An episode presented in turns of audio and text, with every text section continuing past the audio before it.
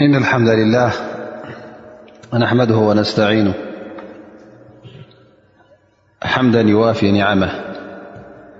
ويكافي مزيده نحمده حمدا كثيرا ونشكره شكرا عظيما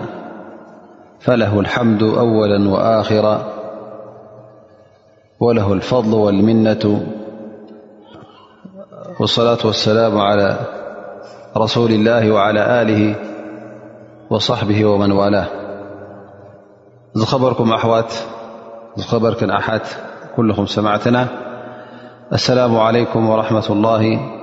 وبركاته لوم إن شاء الله تعالى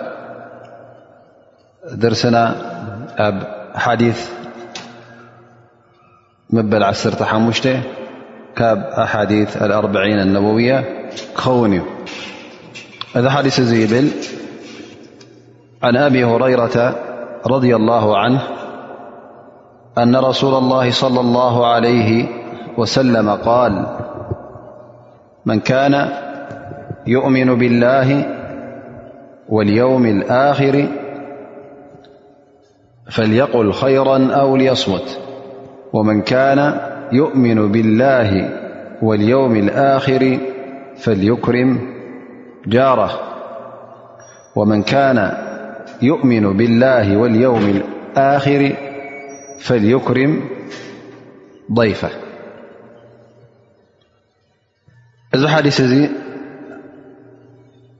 ሓዲ ኣገዳሲ ሓዲስ እዩ ሰለስተ ቐንዲ ናይ ስነ ምግባር እስላማዊ ስነ ምግባር ኩሉ ናይ ሰናይ ስነ ምግባር ሰናይ ጠባይ ዘማለአ ቃላውን ግብራውን ጠባያት ከመይ ክኸውን ከም ዘለዎ ዝሕብር ሓዲ እዩ እዘን ሰለስተ ነገራት እነቢ ለ ላ ለ ወሰለም ብሓቂ ብኣላ ስብሓን ወተላ ዝኣምን ሰብ ከምኡውን ብመዓልቲ ምፃት ዓልቲ ዮም ያማ ዝኣምን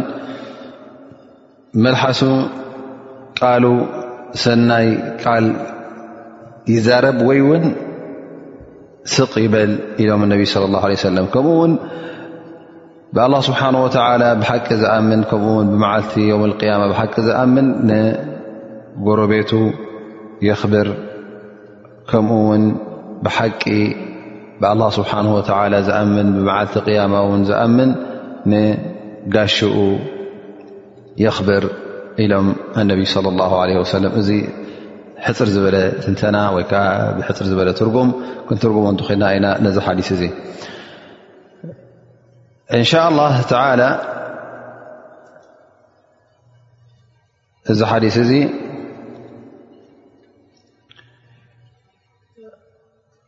ብዝያዳ ክንትንትኖ ኢና ምኽንያቱ ኣገዳሲ ሓዲስ እዩ ካብቲ ኣብ እስልምና ቀንዲ ትርጉማት ዝሓዘለ ዓበይቲ ኣቃልቦ ክግበረሎም ዝግባእ ነጥብታት ዝሓዘለ ስለ ዝኾነ እዚ ሓዲስ እዚ ንምንታይ ዝፅውዕ ዘሎ ምስ ካልኦት ሰናይ ርክብ ንክህልወካ ሰናይ ምትሕቋፍ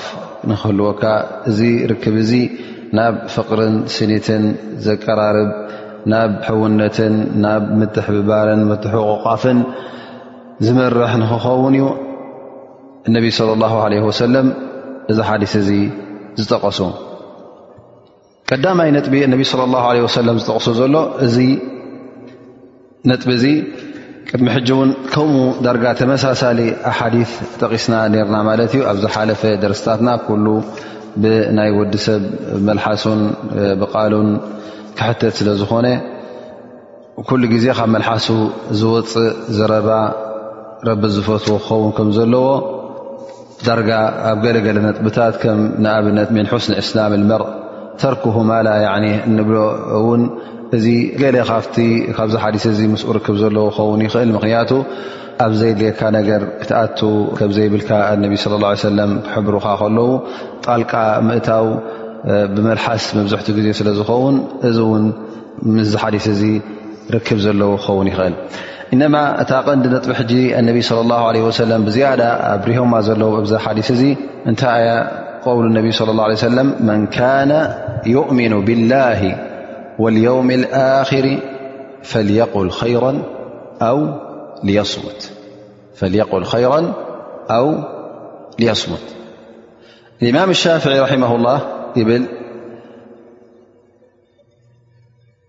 እዚ ሓዲስ እዚ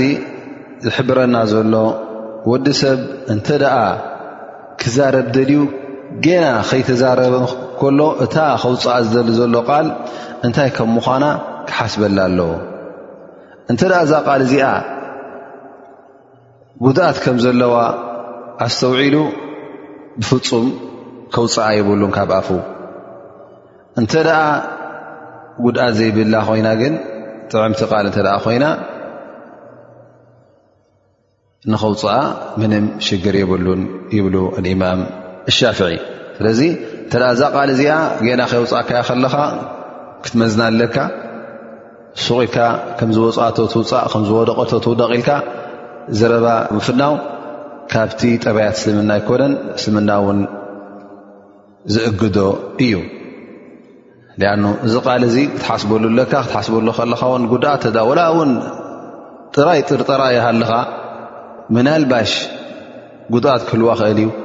ንሓወይ ትጎድእ ንህብረተሰብ ትጎድእ ነቲ ሰማዕያ ደስ ዘይትብል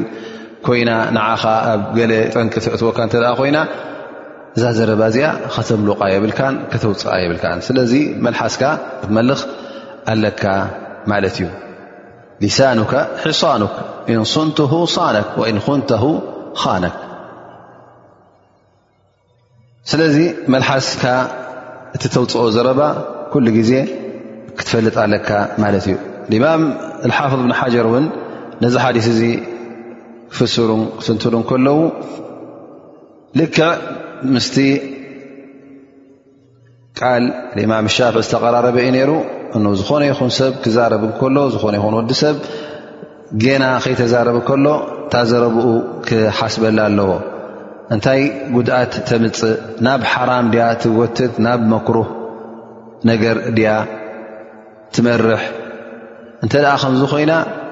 እታ ዘረባ ዘይመውፅኣ ሓይሸ ግን እንተ ንሙባሕ ነገር ንፍቁድ ነገር እተ ኮይኑ ድማ ትዛረብ ትኽእል ኢኻ ግን ኣፍል ዝበለፀ ኣስኩት ስቕ ምባል ይሓይሽ ብሉ ምክንያቱ እቲ ሙባሕ ሓንሳ ሓንሳ እንተ በዚሑ ካብቲ ጥርዙ እተ ዝያዳ ገንፊሉ ፈሲሱ ናብ ሓራም ናብ መክሩህ ከውድቐካ ስለ ዝኽእል እቲ ሙባሕ ነገር እንተ ኮይኑ እውን ካብኡ ከተብዝሕ ይብልካን ይብሉ ማለት እዩ ስለዚ ኩሉ ግዜ መገዲ ስቕ ወይ ከዓ መልሓስካ ምእርናብ መልሓስካ መሓዝ እዚ ኣገዳሲ ነጥቢ ከም ምዃኑ እዮም ነቢ ለ ላ ለ ወሰለም ዝሕብሩና ዘለዉ ሊክ ነቢ ለ ላ ለ ወሰለም ኣብዚ ሓዲስ እዚ ይብሉ መን ካነ ዩእምኑ ብላሂ ወልየውም ኣክር እታ ጉዳይ እነቢ ለ ላ ለ ወሰለም ካብኣ ብጣዕሚ ኣሸጋሪት ብጣዕሚ ኣስጋኢት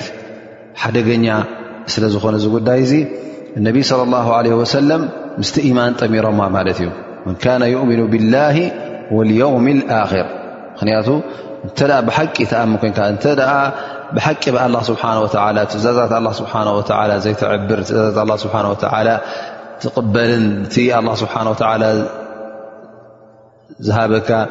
ምእዘዛ ትምእዘዝ እንተ ኮይንካ ከምኡ ውን ንፅባሕ ንግሆ መዓልቲ ቅያማ ከም ዘሎ ብሓቂ ተኣምን እንተ ኮይንካ ሒሳብ ኣሎ መርመራን ፈተናን ከምኡ ውን ተጋገየ በዓል ዘንቢ ክቕፃዕ ከም ምኳኑ በዓል ሰናይ ድማ ኣላ ስብሓን ወተዓላ እቲ ዝግብኦ መሰል ሓልሉ ኣብ ደስታን ፍስሃን ከንብሮ ከም ምኳኑ እዚ ነገራት ዝተኣምነሉ እተ ኮይንካ ብሓቂ መልሓስካ ክትሕሉ ኣለካ ፈየቁል ኸይራ ኣው የስሙት ወይ ጥዑም ዘረባ ሰናይ ዘረባ ረቢ ዝፈትዎ ዘረባ ሰብ ዝፈትዎ ዘረባ ተዛረብ ወይ እውን ስቕበል እዮም ዝብሉ ዘለዉ ነቢ ለ ላ ለ ወሰለም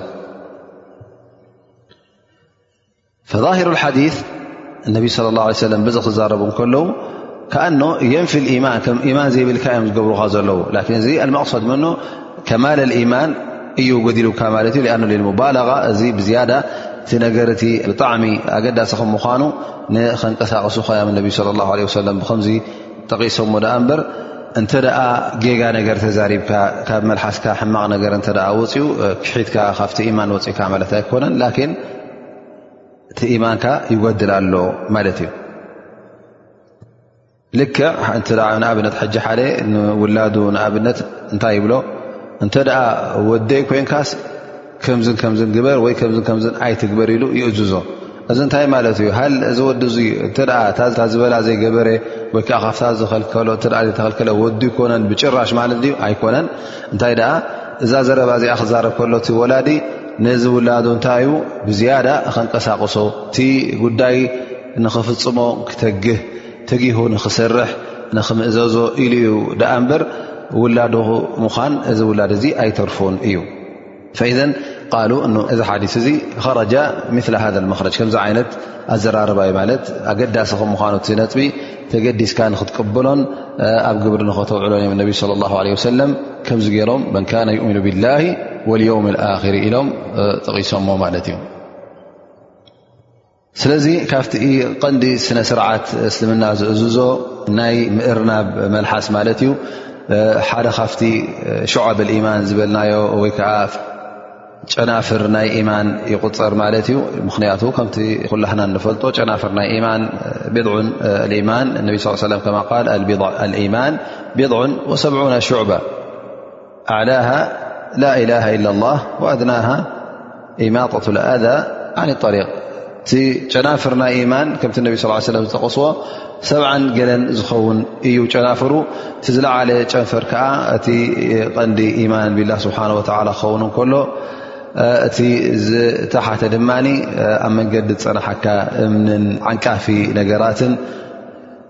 ከተርሕቕ ከለኻ እሾኽ ኮይኑ ካልእ ዓይነት ንሰብ ዝጎድእ ክትርሕቕ ከለኻ እዚ ንገዛእ ርእሱ ሓደ ካብቲ እምነታዊ ስነ ምግባር ይኸውን ማለት እዩ ፈኢዘ እዘን ነቢ ስለ ላሁ ለ ወሰለም ጠቒስዎን ዘሎ ኣብዚ ሓዲስ እዚ ብዛዕባ ናይ መልሓስካ መሓዝ ጎረቤትካ ምኽባር ጋሻኻ ምኽባር እዚ ኩሉ እንታይ እዩ ዝቁፅር ማለት እዩ ካብቲ ሸዓብ ልኢማን እዩ ዝቁፅር ብማዕና እንተ ሓንቲ ፈፂምካ ከምቲ ኣላ ስብሓን ወላ ዝኣዘካ እተ ፈፂምካያ ነቲ ኢማንካ ትምልእ ማለት እዩ እንተ ንዓ ድማ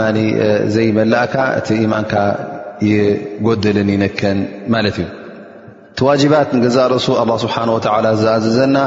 ገሊኡ ምስ ኣላ ስብሓን ወላ ዋጅብ ኣብ ቅድሚ ኣላ ስብሓን ወላ ንሕተቶ እዩ ንኣብነት ሰላት ኮይኑ ስያም ኮይኑ እዚ ሓቂ ናይ ኣላ ወይ ከዓ መሰል ኣላ ስብሓን ወተዓላ ክንፍፅሞ ዘለና እዩ ኣሎ ከዓ መሰላት ንደቂ ሰብ ክንሕልወሎም ዘለና ናይ ጎረቤት መሰል ኣሎ ናይ ጋሻ መሰል ኣሎ ናይ ስድራ ቤት ናይ በዓልቲ ቤትካ ናይ በዓል ቤትኪ ናይ ሓውኻ ናይ ሓፍትኻ እዞም ኩሎም ሰባት ከመይ ጌርካ ርክባትካ ምስኦም ተካይድ ኣብ እስልምና ኩሉ ኣላ ስብሓን ወተላ ከምኡውን ነቢና ሓመድ ስ ሰለም ኣብ ቁርንን ኣብ ሓዲትን ኣብሪሆምልና እዮም ስለዚ እቲ ኣብዚ ሓዲስ እዚ ንረኽቦ ወዲ ሰብ ርክባቱ ከመይ ክኸውን ከም ዘለዎ ምስቶም ካልኦት ደቂ ሰባት እዩ ዘርእየና ዘሎ ፈኢዘን እታ ቀዳመይቲ ነጥቢ ህያ እንታይ እያ መልሓስካ መሓዝ መን ካነ ዩእምኑ ብላህ ወልየውም ኣክር ፈየቁል ኸይራ ኣው ልየስሙት ፈየቁል ኸይራ ኩሉ ግዜ እታ ኸይር ክትበሃል ከላ ሕጂ እዚኣ ፍንውት እያ ኩሉ ኸይር ዘብኡ እንታይ ልከ ክፅብፀብ እዩ ር ኸይር ክበሃል ከሎ ኣምር ብልማዕሩፍ ክኸውን ይኽእል ንሃይ ዓነ ሙንከር ንሰናይ ነገር ክትሕብር ካብ እከይ ነገር ክትዓግት ያዕ ክትብል ከለኻ እዚ ኸይር እዩ ንሓውኻ ሰላሙ ዓለይኩም ኢልካ ሰላም ክትብሎ ር እዩ ንሕሙም ብዛዕባ ጥዕንኡ ንክትሓቶ ር እዩ ዕልሚ ክትህብ ር እዩ ሓቂ ከተፍልጥ ር እዩ እዚ ኩሉ መገዲ ዝጠፍኦ ሰብ እተ ኮይኑ መገዲ ኣርእኒ እተ ኢሉካ ሓብር እተ ኢሉካ ወላ ንዝኾነ ይኹን መገዲ ዘብፅሕ ማለት እዩ ክትሕብሮም ከለኻ እዚ ር ኢኻ ትብል እዘን እቲ ር ንገዛእ ርእሱ ሰፊሕ እዩ ምስቲ ናይ ረብሓ ሰብ ተኣሳሰረ ኸውን ይኽእል እዩ ስለዚ ፈልየቁል ኸይር ኢሎም ነቢ ስ ሰለም ኣው ልየስሙት ወይ ከዓ ስቕ ይበል ስቕ ድማ ቀላል ኣይኮነትን ኩሉ ሰብ ኣይኮነን ዝኽእላ ምክንያቱ ስቕ ክትብል ከለኻ መልሓስካ ክትሓፍዝ ከለኻ መልሓስካ ከተፅንዕ ክትሕሉ ከለኻ እዚ ቀሊል ነገር ኣይኮነን ሓተ ነቢ ለ ላ ለ ወሰለም ንሙዓዝ ምስ ሓተቶም ያ ረሱላ ላ ኣው ሞኣኸን ብማ ነቁል በቲ መልሓስና ንብሎ ዶ ኩሉ ግዜ ንዛረቦን ንብሎን ኣላ ስብሓን ወላ ፅባሕ ን ክሓተና ድዩ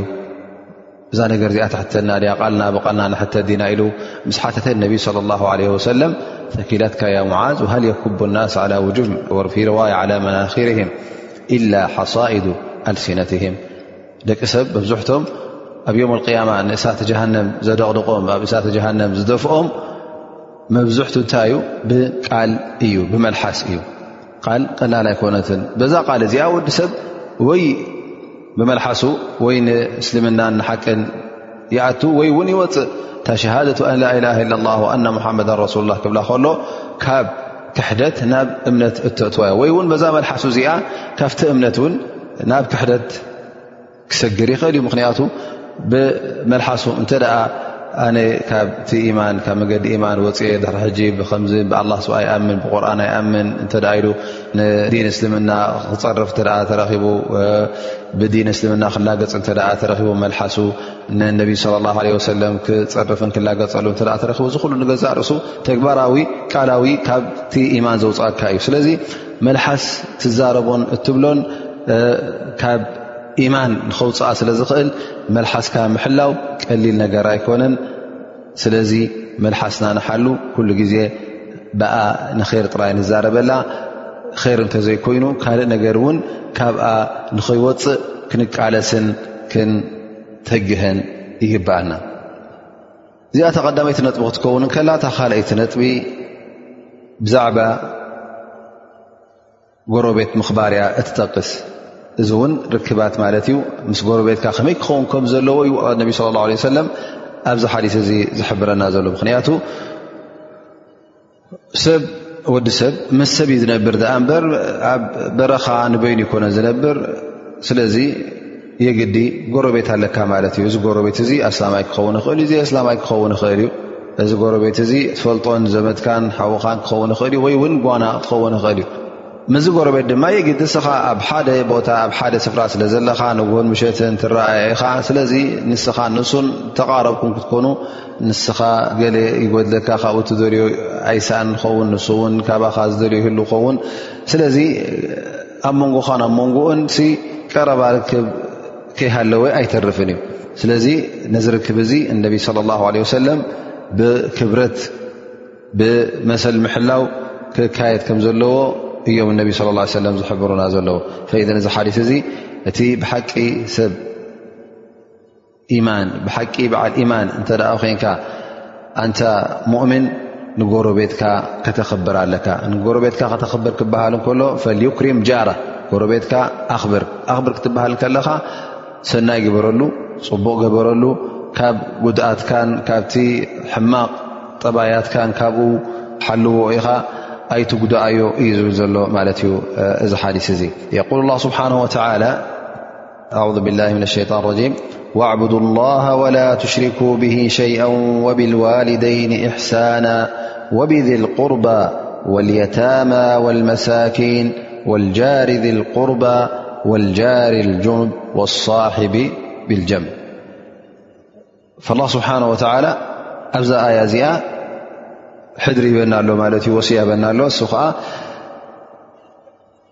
ምስቲ ናቱ ኣምልኾት ንዕኡ ከነምልኽ እናጠቐሰ ካብ ሽርክ ርሒቕና ንኣላ ስብሓን ሓደ ኣላ ስብሓን ወተዓላ ኣምሊኽና ክንነብር ከም ዘለና እናሓበረ ኣብ ርእሲኡ እንታይ ጠቒሱ ማለት እዩ ንወለድኻ ኣኽቢርካ ከምኡ ውን ካብቶም ዝጠቐሶም ውን ንጎረቤትካ ምኽባር ማለት እዩ እሕሳን ክትገብረሎም ሰናይ ክትገብረሉ ምስቲ መሰላት ኣላ ስብሓን ወተዓላ እቲ ንዕኡ ዝወሃብ መሰላት ጠቂሱ እቲ ንደቂ ሰብ ዝወሃብ ውን ኣቦ ኮይኑ የቲም ዘኽታም ኮይኑ ወይ ውን ዘመድ ኮይኑ መሳኪን ኮይኖም ከምኡ ውን ጎረቤት ኮይኑ እዚኦም ን መሰል ከም ዘለዎም ዩ ኣላ ስብሓን ወተላ ዝሕብረና ዘሎ እቲ መሰል ናቶም ምስቲ መሰል ኣላ ስብሓን ወተላ ብሓደ ይጠቕሶ ኣሎ ማለት እዩ ኣላ ስብሓን ወተዓላ ምእንቲ ምንታይ እቲ ጉዳይ ሸሪዓዊ ከም ዝኾነ ብሸርዒ ከም ዝመፀ እንተ ደኣ ነዚ ፈፂምካ እውን ነዚ ኣላ ስብሓን ወተዓላ ዝእዘካ ዘሎ ብዛዕባ ወለድኻን ጎረባብትኻን ቀረባ ኣሕዋትካን ኣዝማትካን ብዛዕባኦም እቲ ኣላ ስብሓን ወተዓላ ዝኣዘካ እተ ፈፂምካ እቲ ኣምልኾት ኣላ ስብሓን ወተዓላ እቲ ኢማን ትምልእ ኣለኻ ማለት እዩ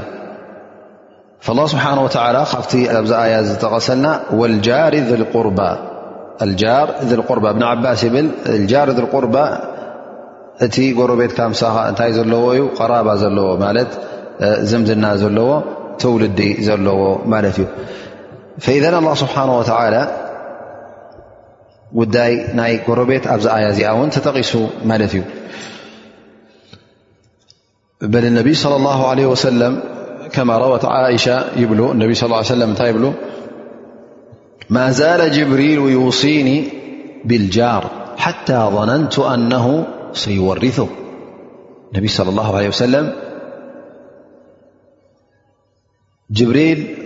ዓለይህ ሰላም ኩሉ ግዜ ብዛዕባ ጎረቤት ከጠንቅቑኒ ብዛዕባ ጎረቤት እውን ሕድሪ ወስያ ክቡኒ ስለ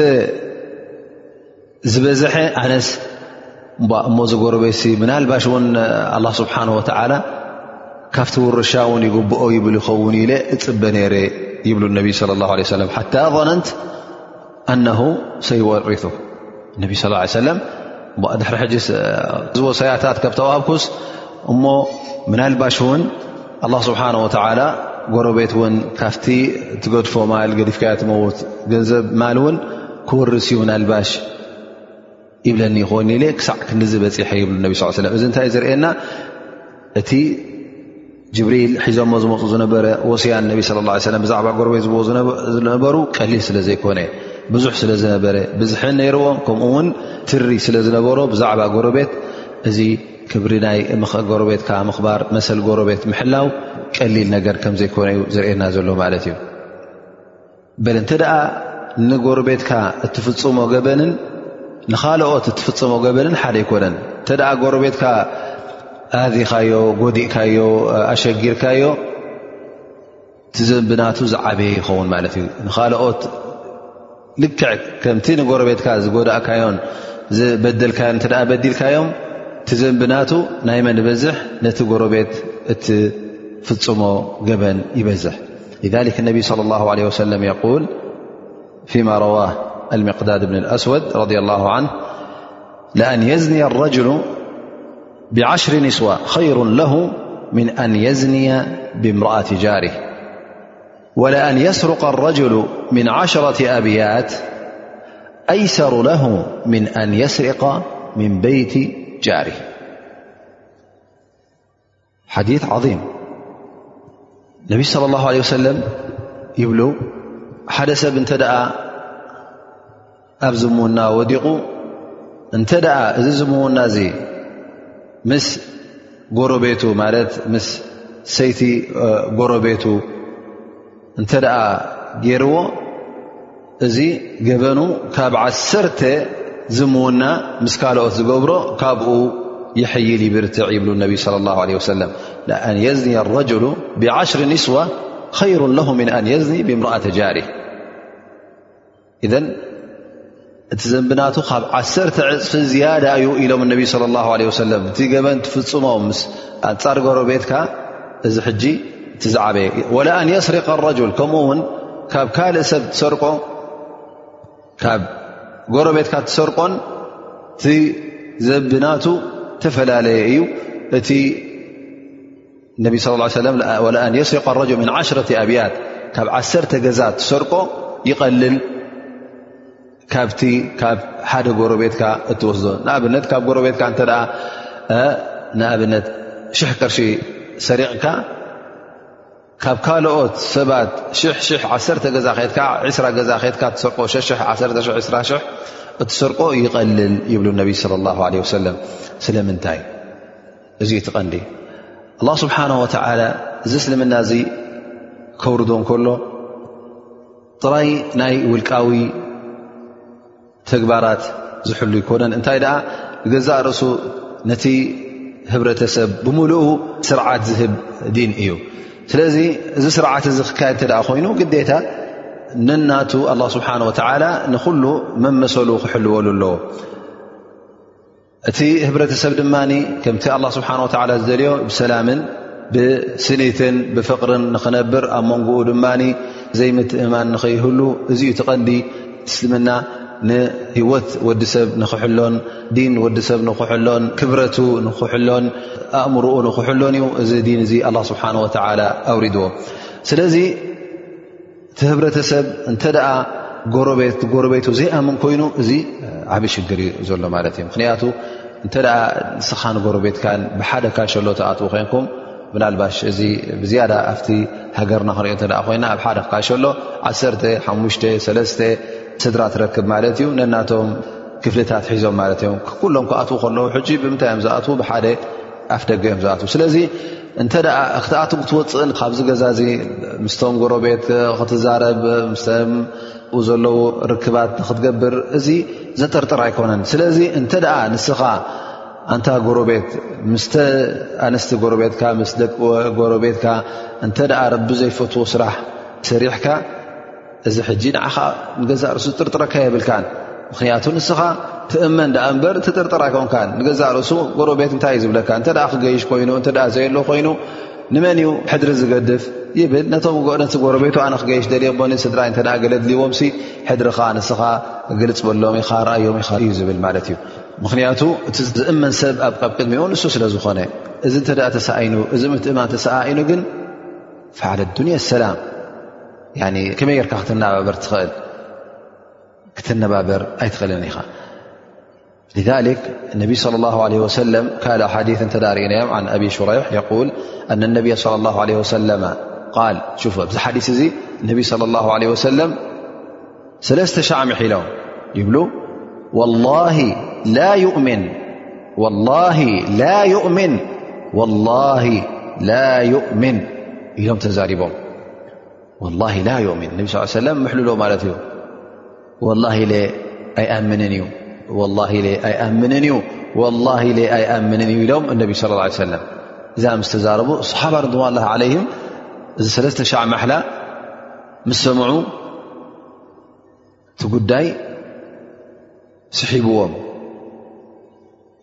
ፈሰኣሉ ነቢ صለ ه ሰለ ላ ላ መን ያ ሱ ላ መን ያ ሱላ እዚ ከምዚ ኢልካ ሰለስተ ሻዕ ትምሕለሉ ዘለኻ ያ ረሱላ ላ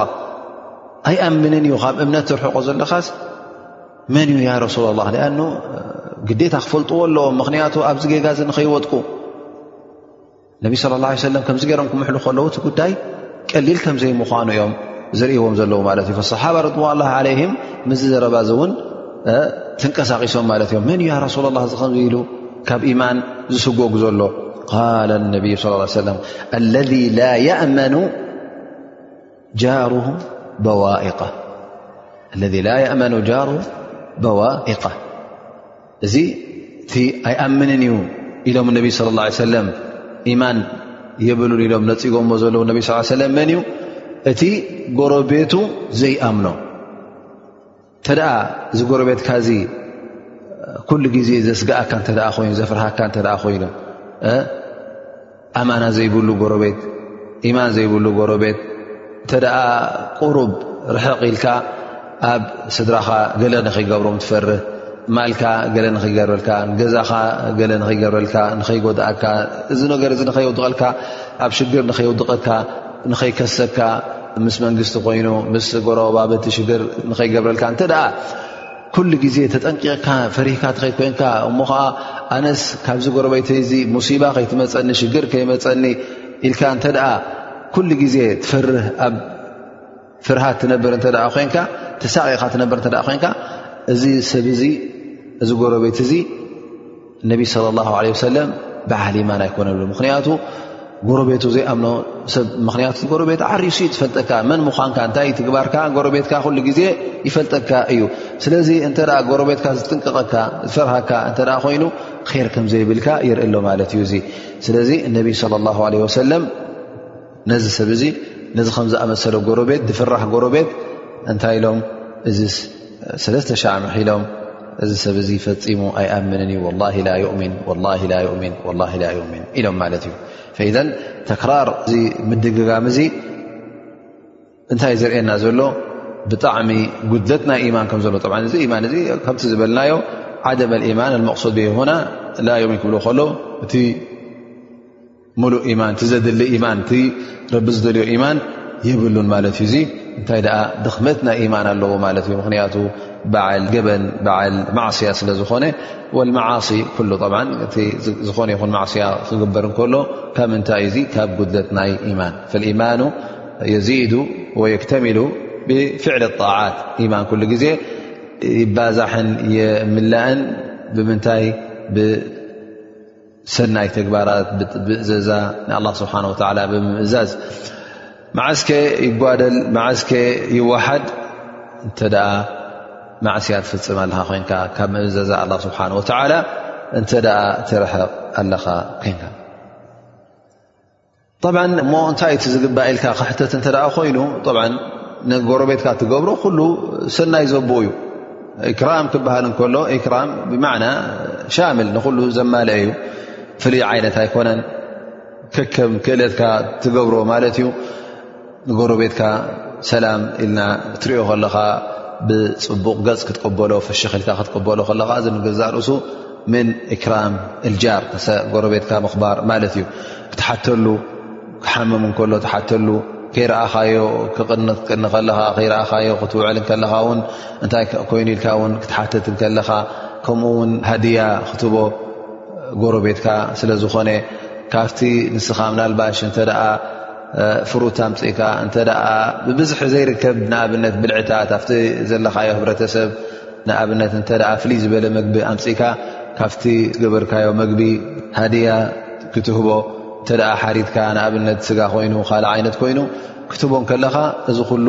ካብቲ ኢክራሙ ማለት እዩ ከምኡ ውን ካብ ዝኮነ ይኹን ጉድኣት ተጀሱስ እንታይ ገይሩ እንታይ ኣምፅኡ ብየን ሓሊፉ ኢልካ ደድሕሪኡ ን ተጀሱስ ንከይትገብር ውን እዚ ከምዝኣመሰለ ኩሉ ዝኾነ ይኹን ጉድኣት ውን ካብኡ ከተርሕቕ ከለኻ እዚ እቲ ክራም ኣፍ ዝበሃል ነቶ ክራም ኣልጃር ዝበሃል ንጎረቤት ምኽባር ዝበሃል ከምኡ ምናልባሽ እውን ሕቶ መፅእ ክኸውን ይ ብኣነ መን እዩ ጎረቤተይ ንመን እየ ብዝያዳ ዘቕርብ ኢልካ ውን ትሓት ትኸውን ዓእሻ ረ ላ ትብል ያ ረሱላ ላ እነ ጃረይን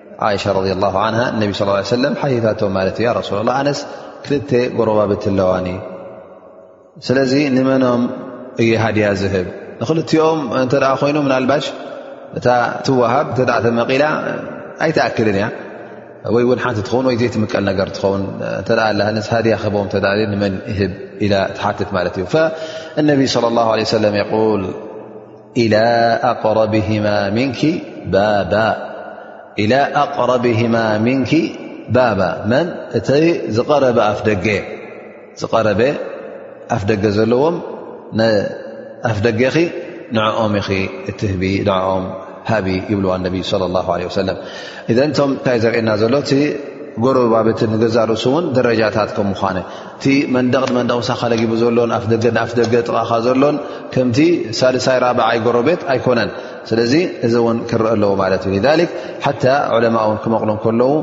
ጎረቤት ምናልባሽ እንተ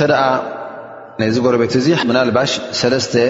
መሰል ክህልዎ ይኽእል እዩ ወይ እውን ክልተ መሰል ወይ ሓደ መሰል ክህልዎ ይኽእል ይብሉ ማለት እዩ እንተ እዚ ጎረቤትካ እዚ ኣስላማይ እተ ኮይኑ ዘመትካ እንተ ኮይኑ ሕጂ እዚ እንታይ ይብሉ ሰለስተ መሰል ሒዙ ቀሪቡ መሰል ናይ ጎርብትና መሰል ናይ እስልምና መሰል ከዓ ናይ ዝምድና ሓቅ ራሒም ስለ ዝሓዘ እዚ ሕጂ ሰለስተ መሰላት ዝደረበ ይኸውን ወይ እውን ክልተ መሰል ዝዘረበ ኸውን እተ ጥራይ ጎረቤትን ኣስላማይን ኮይኑ መሰል ናይ እስልምናን መሰል ናይ ጎረብትናን ትሕልወሉ ማለት እዩ ወይ እውን መሰል ሓንቲ መሰል ጥራይ ትህልዎ ትኸውን እሱ ከዓ መሰል ናይ ጉርብትና እተ ዘይ ኣስላማይ ኮይኑ እንታይ ትሕልወሉ ማለት እዩ እቲ ናይ ጎረቤት መሰሉ ከምቲ ኣላ ስብሓን ወላ ዝኣዘዘካ ከምቲ ነቢ ስ ሰለም ዝኣዘዘካ ምናልባሽ እውን ክልተ መሰል እውን ክህልዎ ክእል እዚ ዘይ ኣስላማይ ንብሎ ዘለና ምናልባሽ ሓደ ሰብ ዘመዱ ክኸውን ይኽእል እዩ ናባሽ ሓደ ሰብ ዘይ እስላማይ ነይሩ እተ መስሊሙ ኣዝማዱ ገና ኣብቲ ናይ ቀደም ዲኖም ኣብቲ ናይ ቀደም ሃይማኖቶም እተ ኣለዉ ኮይኖም እሞ ከዓ ጎረባበቱ እተ ኮይኖም እዘን እዚኦም ሕጂ እንታይ መሰል ኣለዎም መሰል ናይ ወይ ከዓ ናይ ጉርብትናን መሰል ናይ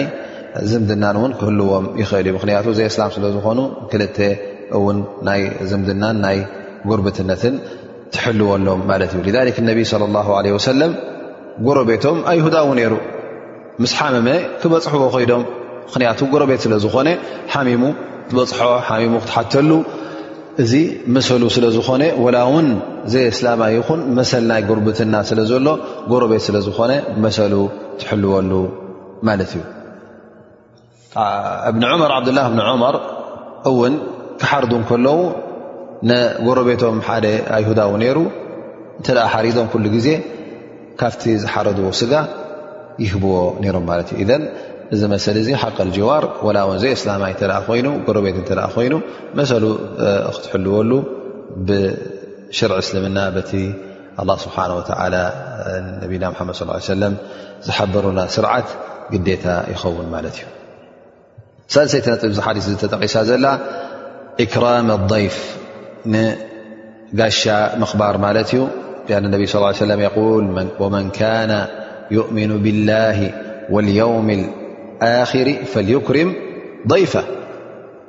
ሓቂ ዝኣምን ብኣላ ስብሓን ወተላ ሰብ ከምኡ ውን ብዮም ኣልቅያማ ንጋሽኡ ከኽብር ኣለዎ እዘን ጋሻ ምኽባር ናይ ባህሊ ፀባይ ናይ ባህሊ ስነ ምግባር ኣይኮነን እንታይ ደኣ እዚ ካብ ክሳል ልኢማን እዩ ካብ እምነት ዝተበገሰ ስነ ምግባር ከም ምኳኑ ክንኣምን ኣለና ማለት እዩ ስለዚ እዚ ብሸርዕናን ብዲናን ተዋሃበና ስርዓት ከም ምኳኑ ክንኣምን ኣለና ማለት እዩ ምናልባሽ ገለገለ ሰባት ጋሻ ምኽባር ከምዚ ናይ ማሕበራዊ ባህሊ ይመሰም ኸውን ናይቲ ህብረተሰብ ናይቲ ማሕበረሰብ ዘለዎ ባህሊ እዩ እሞኒ እንተ ዘየኽበርና ጋሻ እተቐበልና ሰብ እንታይ ከይብለና ኢሉ በዚ ወገን እዚ ጥራይ ዝሪኦ እተ ኮይኑ እቲ ዝገብሮ ዘሎ ካብ ኣጅሪ ይተርፍ ኣሎ ማለት እዩ ላኪን ኢዛ ኩንተ ተዕተቒድ እንተ ብሓቂ ንጋሻ ዝመፀ ከተኽብር ክትቅበል ክትዕንግል ክትጋይሽ እንከለኻ እዚ ነገር እዚ ዋጅብ ብኣላ ስብሓን ወተላ ተኣዘዝካዮ ከም ምዃኑ ትኣምን እንተ ኮይንካ ካብኡ ተበጊስካ ክትፍፅሙ ከለኻ ኣጅሪ ትረኽበሉ ማለት እዩ ኣን ሃ ምን ክሳል ልኢማን ሓደ ካብቲ እምነት እስልምና ዝእዝዞ ማለት እዩ ነቢ ስ ሰለም የቁል ወመን ካነ ዩእምኑ ብላ ወልየውም ኣክር ውፅኢቱ እንታይ ዩ እንተ ደኣ ብኣላህን ብየውም ኣራ ንተኣምን ኮንካ እንታይ ትግበር ማለት ውፅኢት ናይዚ ንጋሻኻ ኣኽብር እንተ ብሓቂ ኢማን ዘየሎ ኮይኑ ድሕሪኡ እተ ዘየኽበርካ ላስ ነቲ ኢማንካ ይጎድል ኣሎ ማለት እዩ ፈኢዘን ጋሻ ምኽባር ሓደ ካብቲ ስርዓት እስልምና ስብሓን ወላ ናይ ኣዳብ እስላም በል ዑለማ እዚ ዋጅብ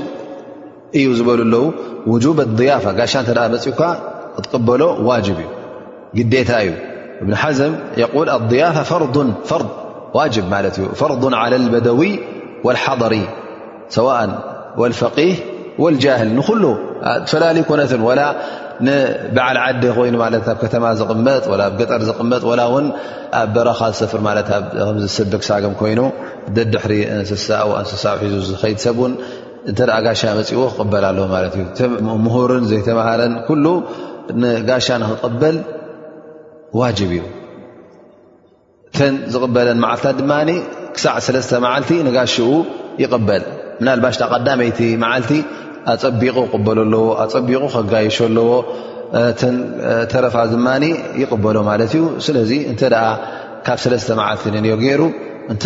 እቲ ዝግብኦ ናይ ምግያሽ ገይርሉ ፅቡቕ እንተዘየሎ ግን ብድሕሪኣ ዋጅብ ኣይኮነን እቲ ዝገብሮ ብድሕሪኡ እሕሳን ማለት እዩ ፅቡቕ ተግባር እዩ ኣጅር ኣለዎ ግን ተን ሰለስተ መዓልቲ ዋጅብ እዩ ይብሉ ማለት እዩ በል ዕለማ ገለብሉ እንተ ጋሻ መፅኡ ዘይተቐበልካዮ ከምቲ ዝግብኦ ንሰለስተ መዓልቲ ምናልባሽ ዝጋሻ ዘ ፅባሕ ንግሆ እተ ኣብ ቃዲ ጠሪዑካ ቃዲ እተ ከሲሱካ እዚ ሰብ እዚ ከጥቅዓካ ይኽእል እዩ መሰሉ እውን ንኽምለሶ ብሕግን ብሕጊ ሸርዕን ይከኣል እዩ ኢሎም ዑለማእ ማለት እዩ ካብቲ ንጋሻኻ ትገብሮ ምን ኣዳብ ኣضያፋ እንታይ እዩ እንታይ ማለት እዩ ኣብዚ ሕጂ እክራም ኣضፍ ዝብለና ዘሎ እዝብልና ዘሎ ነቢ ስ ሰለም ንዚ ጋሻ እዚ ክትቀበሎ ፅቡቕ ጌርካ ክትቀበሎ መርሓባ ኢልካ ክትቀበሎ ምግቡ ከተዳልወሉ በል ኣብቲ ቀዳማይ መዓልቲ ድማ ብዝያዳ ክትክለፈሉ ማለት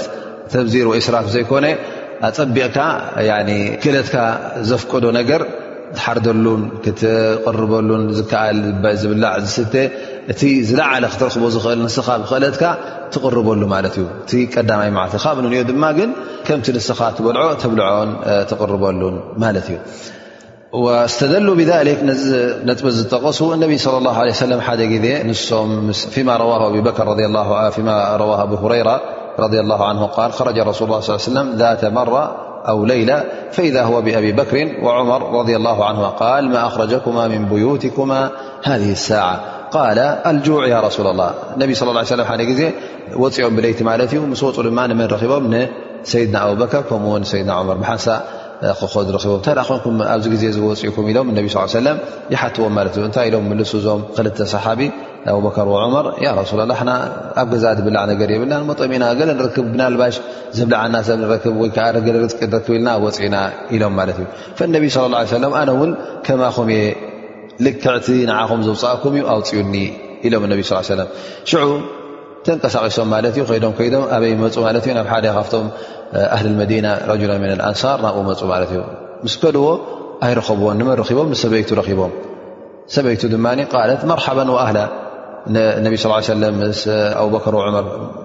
ምዃኖም ምስ ፈለጠት መርሓባ ኢላ ተቐቢላቶም ነቢ ስ ሰለ ኣበ ሎ ፍላን ኣበሎ ሰብኣይ ክኢሎም ይሓትዋ እንታይ ኢላ ትምልስ ከይዱ ኣሎ ሕጂ ማይ ከምፃልና ማይ ክግለልና ከይዱ ኣሎ ትብል ማለት እዩ ከምዚ ኢላ እናተዛረበቶ ከላ መን መፅእ እቲ በዓል ገዛ እቲ ኣንሳር ይመፅእ ማለት እዩ ምስ ረመፀ ንመን ይረክብ ንነቢ ስ ሰለም ከምኡ ውን ኣቡበከር ዋ ዑመር ምስኦም ምስ ረኣዮም ብጣዕሚ ይሕገስ ኣልሓምዱሊላ ይብል ሎም መዓልቲ ከማይ ኣጋይሽ ዝመፅዎ ከማይ ከምዞም ንዓይ ዝመፁ ኣጋይሽ ሲ የለን ኣነ እቶም ዝበለፁ ኣጋይሽ መፅኦም ዘለዉ ኢሉ ይሕገስ ማለት እዩ እንታይ ይቕርበሎም ማለት እዩ ተምሪ ይቕርበሎም ካብኡ ይበልዑ እና በልዑ ከለዉ ሕጂ ተኪሉ ድማ ካራ ሒዙ ይወፅ ማለት እዩ ካራ ሒዙ ወፅኡ ነታ ኣብ ኣፍ ደጊኡ ዘላ ጤል ይሓርዳ ማለት እዩ ፈነቢ ለ ላ ሰለም እያካ ወልሓሉ ብሎ ተጠንቅቂካታ ትሕለብ ፀባ ትሕለብ ኣይትሕረድ ንዓና ኢልካ ይብልዎ ማለት ዩ ነቢ ስ ሰለም ዝኾነ ኮይኑ ንሱ ድማ እታ ትሕረድ ሓሪዱ ዝብላዕ እነቢ ስ ሰለም ስጋ ኣቕሪቡ ተምሮም በሊዖም ሰትዮም ይኸዱ ማለት እዩ ዕለማ ይብሉ እነቢ ስ ሰለም እዚ ሰብ እዚ በጊዕ ክሓርደሉ ከሎ ወይከዓ ዝሕረድ ነገር ክሓርደሉ እከሎ ተቐበሎ ከሎ ከም ጋሻ መጠን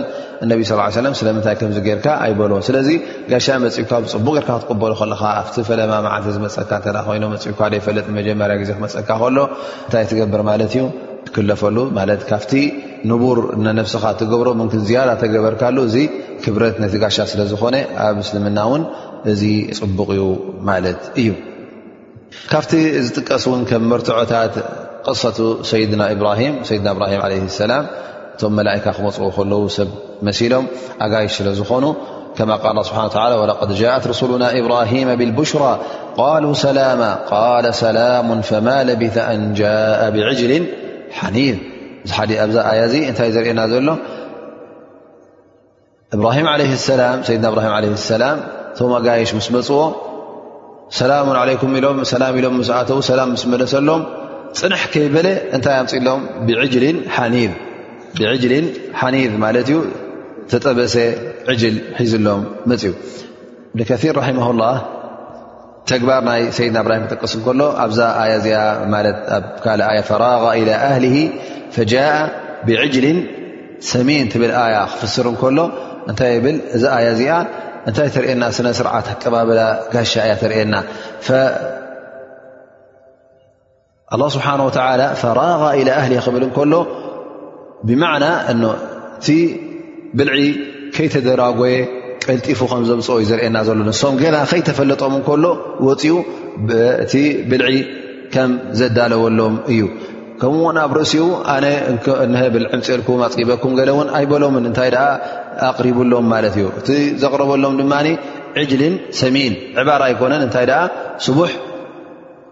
ዕጅል እዩ ኣምፅሎም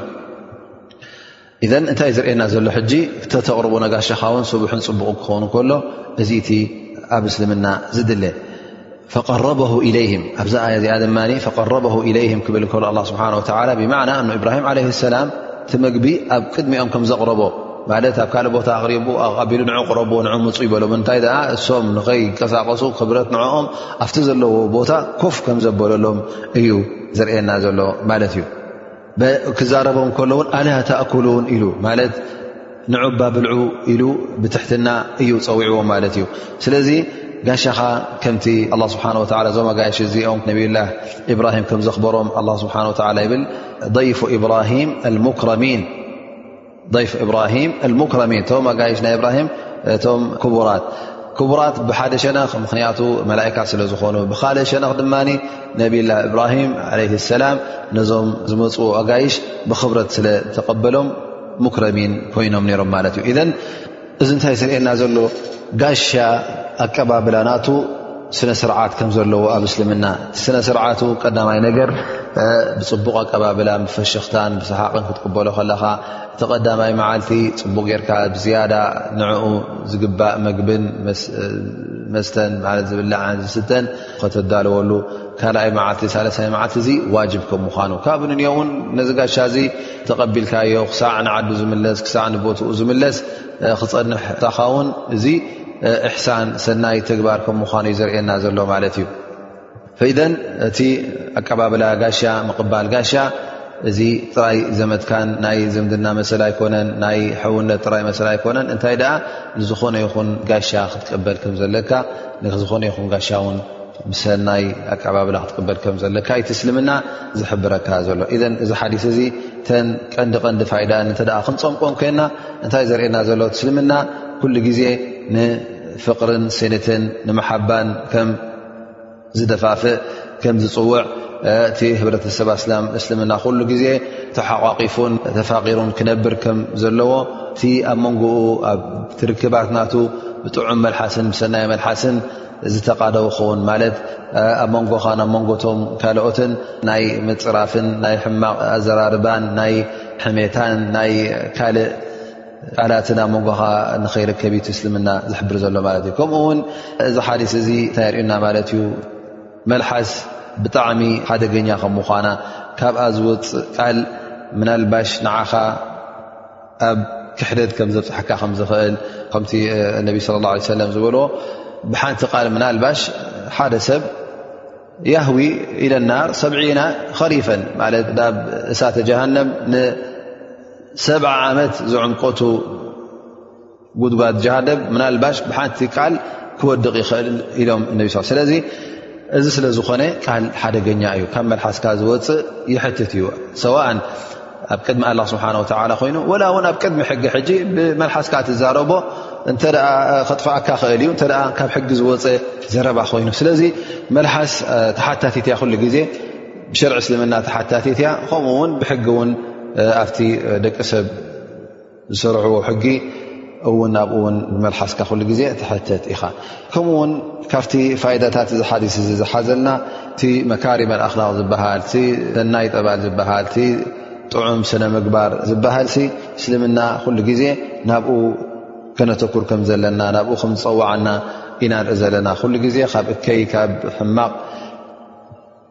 ስነ ምግባርን ጠባይን እውን ክንርሕቕ ከም ዘለና ስለዚ ምስ ካልኦት ርክባትና ኩሉ ሰናይ ርክብ ንክህሉ ሙዓሸረት ኣኸሪን እውን ብስርዓትን በቲ ረቢ ዝፈትዎን ክኸውን ከም ዘለዎ ንስኻ ውን እቲ ጎረቤትካ ኮይኑ እቲ ዘመትካ ኮይኑ ርክባትካ ምስኡ ክትፍፅም ከለኻ እንታይ ክትርኢ ኣለካ ንስኻ እቲ ትእዛዝ ኣላ ስብሓን ወተላ ክትርኢ ኣለካ ንሱ ከመይ ገይሩኒ ኣነ ድማ ልክዕ ከምኡ ክፈድዮ እየ ዝብል ሓሳብ ክህልወካ የብሉን እንታይ ደኣ እስኻ ንገዛእ ርስኻ እቲ ጉዳይ ክትፍፅሞ ከለኻ ሊላህ ኢልካ ክትፍፅሞ ኣለካ ኣጅሪ ረኽበሉ የልካ ክትፍፅሞ ከለኻ እዚ እቲ ካባኻ ዝድለ ግን እንተ ደኣ ንሱ ከምዚ ገይሩኒ ኣነ ውን ልክዕ ከምኡ ክፈድዮ ትብል እተ ኮይንካ እዚ ሰብ እዚ እስኻ እቲ ኣብ መንጎኻን ኣብ መንጎኡ ዘሎ ርክብ ከምቲ ኣላ ስብሓን ወተላ ዝኣዘዘካ ጌርካ ተካይዶ የለኻን እንታይ ደኣ ከምቲ ንሱ እቲ ኣንፃርካ ዝገብሩ ዘሎ ንዕኡ ኢኻ ትስዕብ ትኽተል ዘለኻ ማለት እዩ እዘን ንኣላ ስብሓን ወተላ ኣይተማእዘዝካን ኣይጠያዕካን እንታይ ደኣ ነቲ ጎረቤትካ ኮይኑ ነቲ ዘመትካ ኮይኑ ክፉእ ዝፍፅመካ ዘሎ ንዕኡ ኣሰሩ ተኸትልካ ትኸይዳ ኣለኻ ወይ ከዓ ንዕኡ ትስዕብ ኣለኻ ማለት እዩ أقول قول هذا وأسأل الله سبحانه وتعالى أن ينفعنا بما سمعنا ونسأل الله سبحانه وتعالى أن يكون مجلسنا هذا مجلسا مباركا وأنق استفدنا ن شاء الللسانا ير